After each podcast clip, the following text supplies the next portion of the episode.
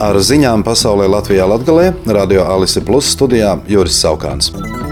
Ukrainas galvaspilsētā Kijivā šorīt nogāzušās pretgaisa aizsardzības spēku notriektu Krievijas raķešu atlūzas. Izraisījies ugunsgrēks, bet atbilstoši provizoriskajai informācijai cietušo nav. Vakar Krievijas raķešu triecienā pa Odesu vairums raķešu notriekts virs jūras, tomēr viena raķete trāpījusi rūpniecības objektam pilsētas nomalē, nogalinot vienu un ievainojot divus cilvēkus, pavēstīja Dienvidu aizsardzības spēku preses vadītāja Natālija Humeņuka. Savukārt Krievija Krievijas okupētajā Krimā, Simferopolis apgabalā netālu no Čisķeņķes ciema, šorīt saspridzinātas dzelzceļa sliedes. No tām noskrējas vilciens ar labību, raksta Krievijas mēdīja. Pēc provizoriskas informācijas no sliedēm noskrējuši astoņi vagoni, pieci no tiem apgāzušies. Moldova vēlas pievienoties Eiropas Savienībai cik vien drīz iespējams, lai aizsargātos pret Krievijas draudiem, un cer uz lēmumu par sarunu uzsākšanu tuvāko mēnešu laikā. Tā intervijā ziņu aģentūrai AFP sacīja Moldovas prezidente Marija Sandu. Ukrainas karš lietas padarīs melnbaltas, tāpēc tas ir ļoti skaidrs, ko nozīmē brīvā pasaule un ko nozīmē autoritārā pasaule mums visiem, skaidroja Sandu. Kolumbijā Amazonas džungļos atrasti četri indiāņu bērni, kas izdzīvoja 1. maijā notikušajā lidmašīnas katastrofā. Tā vakar paziņoja Kolumbijas prezidents Gustavo Petro. Vāras iestādes bija nosūtījušas vairāk nekā simts karavīrus ar meklēšanas suņiem, lai bērnus atrastu. Lidmašīnai 1. maijā nogāžoties Amazonas džungļos gāja bojā trīs pieaugušie.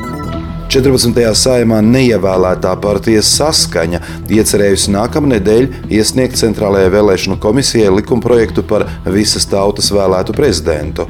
Latvijas iedzīvotājiem ir apnicis katru reizi skatīties uz aizkulišu spēlēm dažādos zoodārzos, prātojot, kuru kandidātu deputāti izvēlēsies šoreiz, un par to, vai mums kārtējo reizi būs jāpiedzīvo kauns par izdarīto izvēli. Tā pauž partija.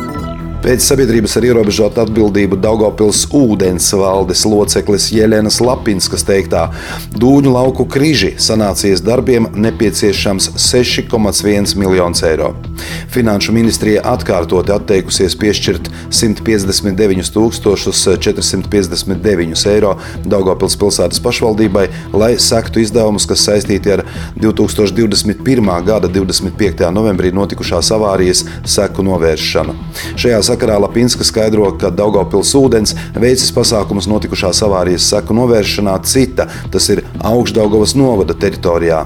Daugopils pilsētas pašvaldība norāda, ka apkārtējai vidē nodarīto kaitējumu nebija iespējas paredzēt un apdrošināt, un ka avārija ir vietēja mēroga vides katastrofa.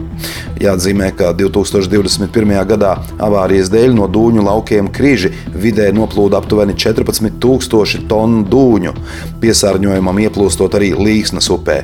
Kā liecina informācija tiesību aktu projektu portālā, ņemot vērā Finanšu ministrijas iebildumus, rīkojumu par līdzekļu piešķiršanu pašlaik nolemts nevirzīt skatīšanai valdības sēdē. Finanšu ministrija norāda, ka pašvaldībai bija jāveic iznomātā infrastruktūras objekta apdrošināšana, līdz ar to pašai tagad jāuzņemas atbildība par objektu. 27. maijā, 2012. dienā vienības laukumā Daugopilī sāksies ikgadējais Geto Games karnevāls, veltīts mākslai, mūzikai un sportam. Pēc karnevāla atklāšanas savas programmas uzsāks Geto Dance, Geto Basket, Geto Football un Geto Fight sporta veidi. Geto Fight turnīrā skatītāji varēs redzēt cīņas ar Daugopils labāko cīnītāju un visas Latvijas sportistu piedalīšanos. Dienā gaidāmas 15 cīņas, spēcīgākie cīkstoņi sacensties par Geto Fight čempiona titulu dažādās svara kategorijās. Apbalvošanas ceremonijas notiks pēc katras cīņas. Geto Games šobrīd ir viena no lielākajām jauniešu ielu sporta un kultūras kustībām Latvijā un Austrumēropā, kas ik gadu pulcē vairāk nekā 10 000 dalībnieku. Projekts īstenots sadarbībā ar Daugopils pilsētas pašvaldību. Ar ziņām studijā bija Juris Saukāns. Ziņu izlaidums veidots projekta Ziņas bez robežām pasaulē Latvijā Latgalē ietvaros ar Sabiedrības integrācijas fonda atbalstu.